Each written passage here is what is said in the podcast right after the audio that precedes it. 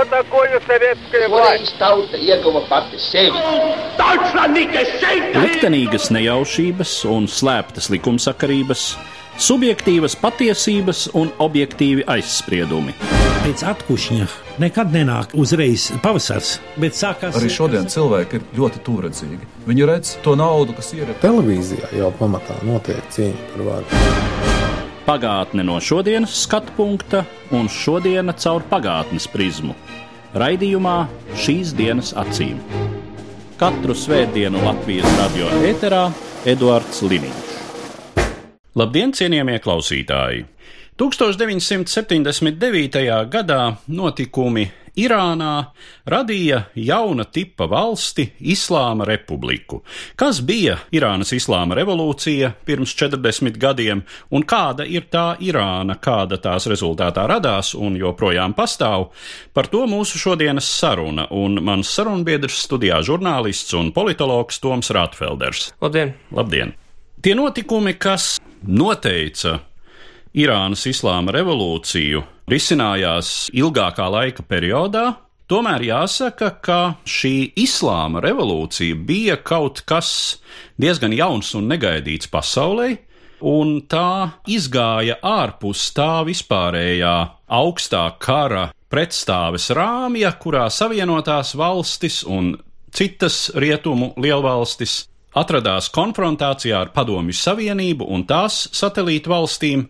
Proti, revolūcija, kas gāza Irānas šahu un pārveidoja visu Irānas sabiedrību, nebija Padomju Savienības inspirēta, lai gan marksistiskais elements tur bija klātesošs, margināli.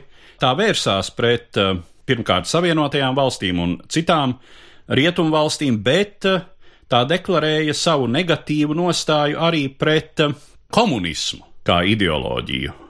Droši vien, ja mēs raugāmies uz tiem iemesliem, tad uh, ir īsi jāieskicē tas, kāda bija Irāna šaha Rezas Pehlēvī laikā un uh, kādas bija tās valsts attīstības īpatnības, un droši vien jāpiesauc neizbēgami arī tāds faktors kā nafta. Noteikti, jā. Irāna sāksim ar to, ka pati par sevi izceļās uz to austrumu valstīm, jo, ja mēs runājam par Irānu, mēs nevaram to attiecināt uz koloniālismu eksperimentiem, kas veido daudzus no kaimiņosošajiem arābu valstīm, kaut vai Sīrija, Irāka, Libāna. Irāna ir valsts, kura īstenībā ir cēlusies jau no senas civilizācijas. Tā principā ir šīs agrākās Persijas impērijas mantiniece, un Irāņi arī īstenībā redz sevi kā šīs civilizācijas pārstāvis, turpinātājs, un tāpēc arī Irāna pati par sevi reģionā vienmēr ir vairāk vai mazāk sevi redzējusi kā tādu spēlētāju, kuram vajadzētu būt teikšanai par to, kas tad vispār reģionā notiek, un diskusijas vienmēr ir bijušas tieši par to, kā to panākt, un Reza Pehlevī laikā bija izvēlēts šis saucamais vairāk vai mazāk sekulārisma pro-rietumnieciskais ceļš ar atvērtu tirgas ekonomiku un ar lielu paļaušanos uz rietumvalstu bloku augstā kara kontekstā. Bet Pehlevī mēģināja šo valsti diezgan strauji modernizēt savu laiku, bet viņš neņēma vērā vairākas lamatas, kurās, diemžēl, viņš iekrita. Viens ir tas, ka islāmas sabiedrību strauji sekularizēt pats par sevi nav vienkārši, un tas arī garīdzniecība diezgan pret viņu noskaņoja. Otrs tas, ka gāzi grīdā politiku, ko viņš arī veica savā laikā, stimulēt ekonomiku, pamatojoties uz augstajām naftas cenām, kas 70. gados, starp citu, arī bija diezgan aktuāla problēma. Ja kāds zina, 73. gadā notika Jomkipūra karš, līču valstis uztaisīja naftas embargo, un tas uzreiz pasaules naftas cenas pacēla diezgan augstā līmenī, un tad šāks arī mēģināja šo situāciju kaut kādā veidā izmantot. Bet tas, diemžēl, arī diezgan dedzināja ekonomiku, un tas arī nepalīdzēja vidusšķirai Irānā, kas arī izjūta inflācijas spiedienu. Te es gribētu faktiski akcentēt tieši šo momentu nafta kā tāds būtībā riska un ļoti nozīmīgs ekonomiskā riska faktors. Mm -hmm. Irāna nav vienīgais gadījums vēsturē, kad mēs redzam, ka mēģinājumi izmantot naftas dolārus rada šos ekonomikas pārkaršanas, nevēlamu ekonomisko procesu riskus. Nu, mēs redzam, kas ir noticis, piemēram, šobrīd ar Venecuēlu, kur arī sākotnējais koncepts bija naftas naudu izmantot sociāliem projektiem, izmantot ekonomikas attīstībai. Rezultātā tas visu vienkārši padara ļoti atkarīgu no naftas cenu svārstībām, bet, eh, protams, nafta ir milzīgs korupcijas risks.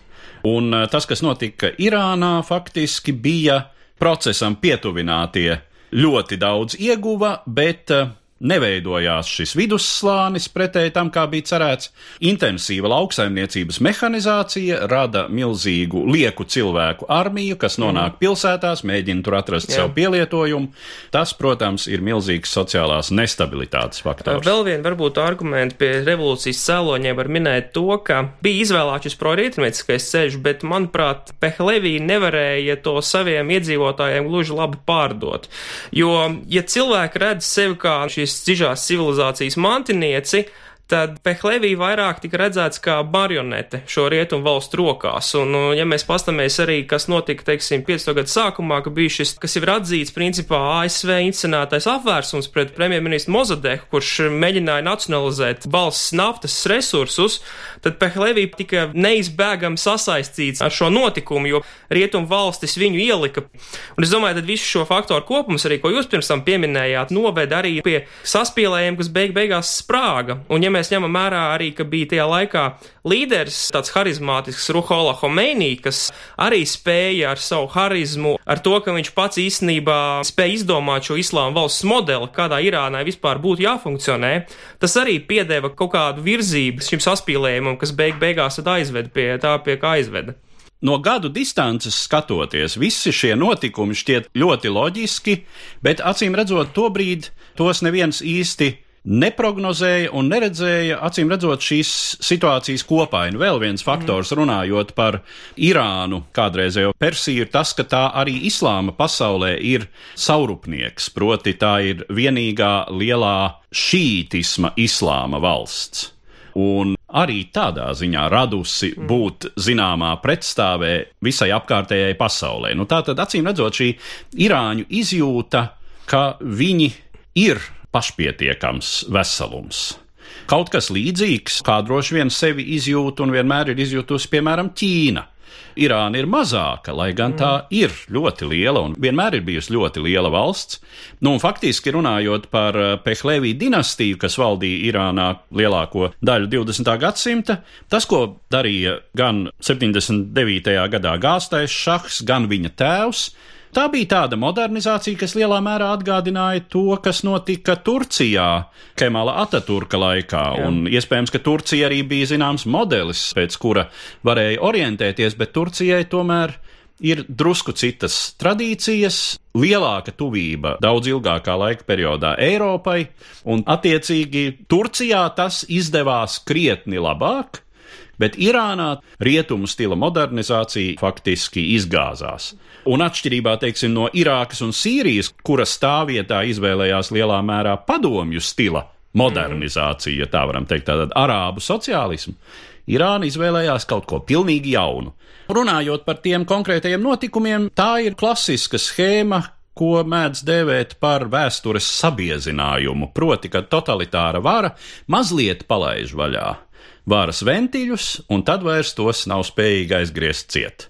Un protesti, mēģinājumi šos protestus apspiest ar varu, kas izraisa tikai vēl lielākus protestus, tad zināma piekāpšanās, kas izraisa vēl plašāku kustību un tā tālāk. Un tā tālāk. Revolūcija pat par sevi sākumā nebija gluži islāmistiski tīra. Tur bija arī daudz citu spēku. Vienam kreisie demokrātiskie spēki arī gribēja nākt pie varas. Taču Homēnī beig beigās šo cīņu starp viņiem uzvarēja un lielu lomu tajā spēlēja īstenībā viens notikums, kas ir ļoti, ļoti veidojis vispār veidu, kā Irāna domā par pasauli un par tuvu austrumu politiku Irākas-Irānas karš, kas norisinājās 80. līdz 88. gadam. Sadams Huseins izjuta draudu no šī jaunā Irānas režīma, jo baidījās, ka tas varētu iedrošināt arī viņu šī populācija, kas, ir citu, notika arī Irākas dienvidos. Un Homēnī spēja izmantot eh, veco olbo stratēģiju, ko spēja izmantot arī ļoti labi Putins pagaidām, ka mums vajag apvienoties zem valdošā režīma ārēja ienaidnieku vārdā. Viņš izmantoja šo kara situāciju, lai eh, nostabilizētu savu varu, atbrīvoties no politiskiem pretiniekiem un pārdot situāciju cilvēkiem, ka tas viss ir vienkārši stabilizācijas vārdā. Un šis notikums arī tagad spēlē Irānas attiecībās ar ASV, jo viņi ir piedzīvojuši, ko nozīmē, ka kāds viņiem uzbruk. Un tas arī tomēr viņiem līdzis ir pārvērtēt, vai viņi var cīnīties pret lielvaru uzbrukumu un ko viņu darīt šādā situācijā, atkal būtu kaut kas tam līdzīgs. Starp citu, par to karu runājot, ja mēs paskatāmies, kas tagad ar Sīriju notiek, šī kara laikā izkristalizējās jau pirmie aizmetņi Sīrijas un Irānas draudzībai. Jo, principā, Irāna tajā laikā ļoti meklēja sabiedrotos, un tos arī meklēja Sīrija. Tāpēc, ka šis laiks sasaistās ar notikumu, kas izmainīja ļoti daudz ko tuvajos austrumos, respektīvi Ēģiptes-Izraels miera līgumu kas šo nāsera sludināto ideoloģiju, kad nepieciešams apvienoties arā valstīm pret Izrēlu, iznīcināja, un tad Sīrija jutās nodota, ka viņi tagad ir viena spiest cīnīties par Izrēlu, respektīvi, viņiem vajadzīgi kaut kādi sabiedrotie. Un to viņi atrada Irānā. Un viņi arī palīdzēja ievērojami gan lobēt Irānas intereses Arābu līgas iekšēnē, gan arī ar uh, militārajiem padodevējiem, nedaudz ar ekonomiskā palīdzība bija. Un daudzi īstenībā saka, ka tagad, kas notiek Sīrijā, kāpēc Irāna tik ļoti iesaistīta ir Asada glābšanā, ir tas, ka viņi jūtās savā ziņā parādā Asada ģimenei par to, ka viņi grūtā brīdī palīdzēja viņiem, un tad viņiem tagad ir jāpalīdz grūtā brīdī Asadam apakaļ. Runājot par šo revolūciju, tajā ir eh, pastāvīgi klātesošs šis anti-amerikānismu elements, kas savu mm. kulmināciju, protams, sasniedz 1979. gada novembrī, kad eh, agresīvi studenti ieņem Savienoto Valstu vēstniecību Teherānā. Lielāko daļu sagūstīto gan atbrīvo, bet eh, vairāki desmiti ASV pilsoņu, diplomātu, vēstniecības darbinieku ir spiesti pavadīt vairāk nekā gadu gūstā līdz viņus atbrīvo. Cits starpā tas notiek prezidenta Reigana jaunievēlētā Savienoto Valstu prezidenta inaugurācijas dienā, kā zināms, žests no Irānas puses, bet tas, protams, ļoti kāpina spriedzi starp uh, Irānu un Savienotajām valstīm, un uh, droši vien uh, šī trauma Amerikā joprojām lielā mērā nav aizmirsta, un tas veido Irānas tēlu Amerikas Savienotajās valstīs, kas lielā mērā nosaka droši vien arī šī brīža Savienoto valstu politiku attiecībā pret Irānu. Protams, jā, bet ir arī politiķi, kas ASV arī uzskata, ka Irāna būtu tomēr jāsadarbojās, un arī pašā Irānā tomēr nav tik viennozīmīgi, ka ir tikai radikāļi, kas pret ASV noskaņot. Pašs režīmu, diezgan īstenībā sadalīts, eh, ir vairāk mērenāk noskaņot politiķi, vairāk radikāli noskaņot politiķi, un eh, viņi savā sulā, tā teikt, iekšpusē cīnās arī visu laiku par varu. Un, mm, ja mēs pasamies arī, teiksim, Irānas prezidents, kas ir bijuši Rasfanģānī vai Hatāmī, viņi tomēr vairāk vai mazāk centās kaut kādā veidā šīs attiecības ar rietumiem vismaz cik vien iespējams tajā situācijas kontekstā normalizēt. Un, eh, protams, Ahmedinečāts atkal to visu izmainīja, anti-amerikāniskā nostāja, bet es domāju, ka Irānas ārpolitika kurā brīdī jāskatās ir kā šie iekšējie spēlētāji cīnās un kā tad beigās viņu iekšējā cīņa izvērtīsies, jo no nu, tā ir ļoti daudz kas atkarīgs, kā Irāna ir starptautiski rīkojās. Kas tad galu galā no šīs Irānas islāma revolūcijas izšķīlās. Kāds ir tas valsts modelis, kuru izdevās uzbūvēt Ajatolam Homēnī un mm. viņa sekotājiem, viņa līdzgaitniekiem? Irānas modelis ir ārkārtīgi interesants tādā ziņā, ka No vienas puses mums ir šis augstais garīgais līderis, kurš to visu sistēmu pārvalda, Bet tajā pašā laikā Homēnī ir spējis arī iedot savā ziņā tādus demokrātisma elementus. Ir iespējams balsot par prezidentu, viņiem iespējams ir balsot parlamentu vēlēšanās, tikai, protams, to visu ir jāapstiprina iestādēm, kurā liela daļa no locekļiem arī šis pats garīgais līderis ieliek no savas gribas.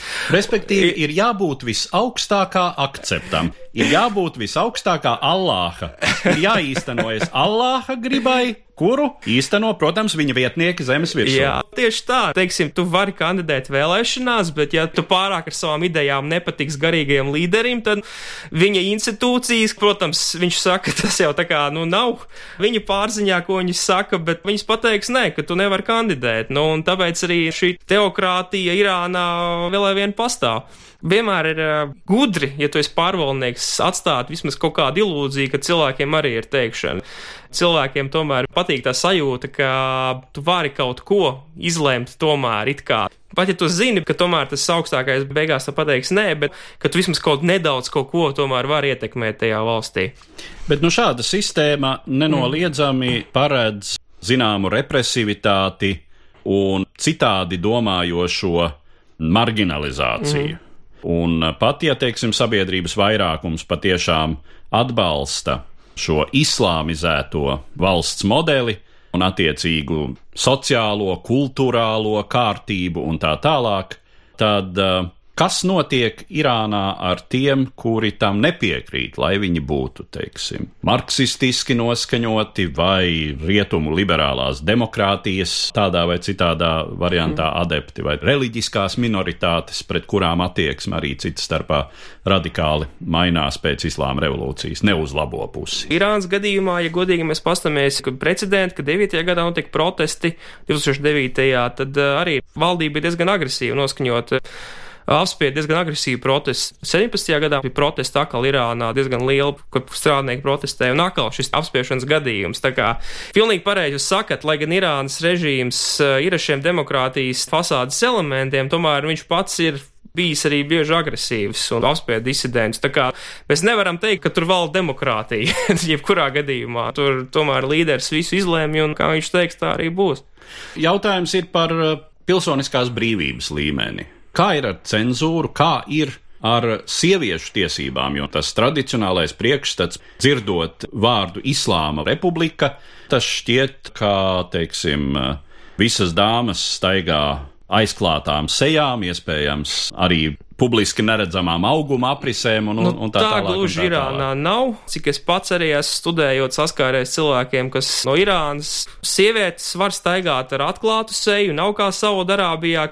Plus vēl arī sievietēm diezgan populāra viena tāda protesta forma, ka viņas hijābu ir sākušas valkāt līdz galvas pusē, un tādā ziņā viņas ar to protestē pret režīma darbībām. Viņas negrib problēmas, viņas negrib, lai viņas apcietina likumības policija, bet um, tajā pašā laikā viņi saka, ka es nepiekrītu tam, ko jūs darat. Bet jūs mums nevarat neko izdarīt, tāpēc mēs likumu nepārkāpjam. Tātad lakatiņš, respektīvi, hijabs uz galvas ir. jā, bet būtībā jā, jā. tas aizsadz jau ļoti maz. Jautājums par sieviešu tiesībām. Vai mm. sievietes mm. Irānā balso, vai viņas var tikt ievēlētas parlamentā, ieņemt teorētiski kādu ministra vai citu valsts amatu? Šajā ziņā noteikti ir vēl progress ejams. Nē, es godīgi sakot, pētījis ļoti par sievietēm, kas būtu Irānas parlamentā.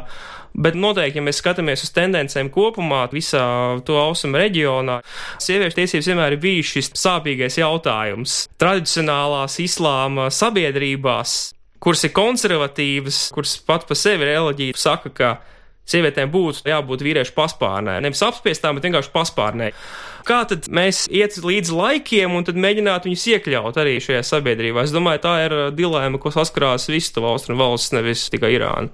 Jā, un katra to risina kaut kā jā, citādi un jā. visai mm. atšķirīgi. Nu, mēs atkal mm. varam teikt, ka tā pati Saudārābija vienmēr ir bijusi brīvību un demokrātijas ziņā ļoti tālu iepakaļ tai pašai Irānai, un joprojām ir, ja mēs yeah. raugāmies uz to, kāda tad ir politiskā realitāte. Par Irānas ārpolitiku un tās vietu šajā reģionā.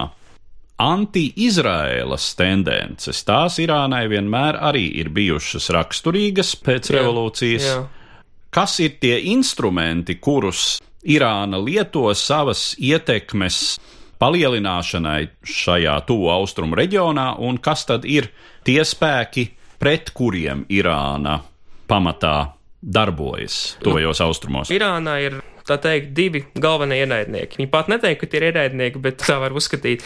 Viens ir uh, Saudārābija, kas ir uh, Irānas prāta rietumu ieliktenis, nepareizās islāma uh, interpretācijas pārstāvis un Saudarābijas monarhs zaimo islāmu. Tā ir Irānas retorika.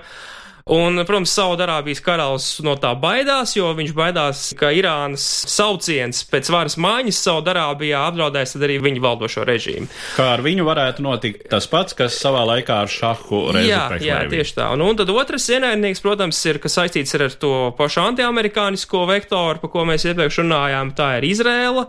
Ja mēs skatāmies, kā Irāna ir pēdējos gados izmantojusi nestabilitāti tuvajos austrumos, teiksim, ASV invāzija Irākā, kāru Sīrijā, tad viņa tur ir spējusi iegūt vērtīgus sabiedrotos un izveidot tā saucamo, ko sauc arī literatūrā par šītu pusmēnesi, ka Irākā, Sīrijā, arī Libānā, kur ietekmīgie Hezbollas, kuru grupējums ir, ir bāzējies, šajā valstīs ir Irānai sabiedrotie, ir izveidots tā kā tilts, kas robežojas ar Izrēlu. Un Izrēļi saka, ka būtībā Irāna ir ieguvusi robežu ar Izrēlu, kamēr Izrēla nav ieguvusi robežu ar Irānu. Tāpēc situācija ir jebkurā gadījumā diezgan interesanta. Irāna arī šo pašu savus ietekmes vairošanos redza kā tādu senās Persijas civilizācijas un kultūras mantojuma atgūšanu. Lai gan viņi ir noslēgta valsts, savā ziņā vienmēr ir mācījusi izdzīvot pati, tomēr ir arī daudz strāvojumu Irānā, kur saka, ka tomēr viņai ir ko piedāvāt arī pārējiem reģionam, ka tomēr ir Persijas kultūras mantojums, ko Irāna var sniegt arī pārējām valstīm. Tas arī savā veidā viņa domāšana par to austrumu ārpolitiku un reģionālo politiku ir veidojis. Daži autori pat apgalvo, ka mēs varam sākt jau redzēt savā ziņā šīs versijas impērijas iezīmes, jo, ja mēs skatāmies uz Irāku, piemēram, tad Irāka vienmēr ir bijusi Persijai kā tāds atspērienu punkts no kuras projicēt tālāk uh, ietekmi pārējā tuvā austrumu reģionā. Un, ja mēs paskatāmies uz Saudarābiju savukārt, tad ļoti būtiski, kas notiek Jemenā pagaidām. Lai gan sākotnēji Jemenā tur ar šiem hutī nemierniekiem Irānai nebija tik spēcīgas saites, protams, viņi ir šīti, bet politiskās saites bija vēl jāveido. Tad pēc Saudarābijas iebrukuma, kas notiek 15. gadā Jemenā, Irāna tomēr ir spējusi izmantot to situāciju, lai Saudarābiju šajā valstī ievilinātu un tā teikt nolaistu tai asinis tad mēs redzam, kā viņi mēģina ar šiem grupējumiem netiešā veidā palielināt savu ietekmi. Jā, nu un, protams, ir jautājums par Irānas kodolieročiem Arī, jā. un to iespējamo iegūšanu. No vienas puses jāsaka tā, ka, ja mēs paskatāmies uz šo reģionu, tad uh, Irānas kaimiņu valstī Pakistānai pilnīgi noteikti ir neliels kodolieroču mm. arsenāls. Izrēlai diezgan noteikti arī ir. Cik liels par to ir dažādas spekulācijas, bet noteikti ir. Indijai, kas arī nav pārāk tālu, ir kodolieroču arsenāls. Tā tad uh, Irāna pēc sava mēroga ir valsts, kura, teiksim, var sacīt, ja viņiem ir, tad kāpēc gan ne mums? Precīzi. Irāna vēlās, lai ar viņiem rēķinās reģionā. Līdzīgi kā Putins saka, mēs vēlamies sēsties pie viena saruna galda, lai runātu ar jums. Tāpat Irāna saka, mēs vēlamies, lai, lai mums rēķinās, jo mums ir ietekme reģionā. Un principā viens no veidiem, kā panākt, lai tevī klausās, ir vismaz kaut kādu nu, šo ieroci vismaz mēģināt iegūt, teiksim, nu, tu reiz piesaist uzmanību, ko teiktu daudzi, kas varbūt domā defensīvāk nedaudz, ka kodolieročs vienmēr ir bijis tāds instruments, kas garantē maksimālo drošību valstī. Ja mēs skatāmies, teiksim, uz Irānas kaut ko pieredzi Irānas-Irākas karā, tad es pieļauju, ka varbūt daudzi domā, ka, lai izvairītos no vēl viena iebrukuma, mums ir vajadzīgi šādi kodolieroči. Mēs paskatāmies vēsturē, kurai valstī ir kodolieroči, par kurām zina arī pārējās valsts, nav uzbrukts, vismaz militāri. Tāpēc tie varētu būt divi tādi lieli iemesli, kāpēc Irāna arī vēlētos šādus kodolieročus iegūt. Kā ir ar um, Irānas saistību ar radikāli islāmiskām, teroristiskām organizācijām? Jūs jau pieminējāt Hezbollah, kas darbojas Libānā, Sīrijā teiksim tā, kā Irāņi saka, ir atkarīgs, ko mēs uzskatām par teroristiem. jo Irāņi neteiktu, ka viņi atbalsta teroristus. Viņi teikt, ka viņi atbalstītu cīnītājus par Palestīnas atbrīvošanu kaut vai. Ja mēs skatāmies, ka viņiem ir saikne ar Hamas grupēm, kas ir arī bāzēts gazas sektorā, un skatāmies saikni, ka viņiem ir Hezbollah, ko minējāt, tad viņi teikt, ka principā šīs abi grupējumi ir domāti, lai mēs atbrīvotu Palestīnu, un teroristiskie grupējumi jau atkal iekļaujas tajā, ko pirmīt es teicu, ka Irāna vēlās savu ietekmi palielināt tieši ar šiem grupējumiem. Viņi nevēlas, tā teikt, varbūt eh, visu valsti dabūt savā kontrolē, vai varbūt tas nav iespējams arī, jo tuvo austrumu, teiksim, Irākā, Sīrijā ir ļoti daudz spēlētāju, kas cīnās par ietekmi. Tad viņi vienkārši vēlās, lai viņiem būtu spēcīgi sabiedrotie konkrētās valstīs, kas ļoti daudz cilvēku izpratnē arī ir šie teroristiskie grupējumi. Ja mēs vispār skatāmies uz Irānas ārpolitiku kā kompleksu fenomenu, un tā vienkāršot mēģinām to raksturot. Vai šajā ārpolitikā ir kāds islāma svētā kara elements tādā nozīmē, ka arvien vairāk, arvien tālāk, kāda atjaunotā Persijas impērija tikai šajā gadījumā islāmiska, potenciāli uzbrukums Eiropai, teiksim, ar šādiem motīviem. Es saprotu, tas ir vairāk vai mazāk kino un beletristikas žanra tēmas, bet uh, Es pieļauju, ka daudziem ir šis priekšstats par Irānu kā agresīvu un agresīvi islāmisku valsti, vai tomēr mēs Irānas ārpolitikā redzam pamatā šo vēlēšanos būt pietiekami nozīmīgam spēlētājam savā reģionā, nu, teiksim, tādu ambivalentu ārpolitiku. Man daudz nepiekritīs, bet es pārstāvēšu laikam to viedokli, kurš teiks, ka Irāna tomēr ir šis ambivalentais spēlētājs. Ja mēs paskatāmies uz retoriku, ko saka garīgais līderis Hamenei, tagad jau tā, tur var visu kaut ko dzirdēt, bet man liekas, ka Irānas pamatu uzstādījumi ārpolitikai divi. Viens ir eh, nodrošināt valdošā režīmu izdzīvošanu, un otrs ir eh, panākt to, lai mūsos klausās vispār reģionā. Lai mēs nebūtu visu laiku tomēr te izolētie. Nu, mēs varam būt paši par sevi, bet mēs negribam tādu būt. Mēs gribam iekļauties tomēr sabiedriskajā sabiedrībā un arī tuvā austrumu reģionā. Irānas jautājumā atšķirība varbūt ir tāda, ka viņi īsti, varbūt sauc par to tā kā lepnumu, varbūt arī tādu, ka varbūt viņi negrib pieņemt spēles noteikumus, ko viņiem dot pārējie, bet viņi grib savus spēles noteikumus radīt, ka viņi grib savu ietekmes sfēru, kur viņi saimnieko. Un um, tad pārējās valstis arī to respektē un to ciena, un uz tā pamata mēs varam strādāt ar pārējiem. Ja mēs domājam par šī brīža Irānu un to, kā tas viss varētu attīstīties tālāk, paspekulējot, teiksim, pēc desmit gadiem, kāda būs tā Irāna, kura, domājams, svinēs Islāma revolūcijas 50. gada dienu.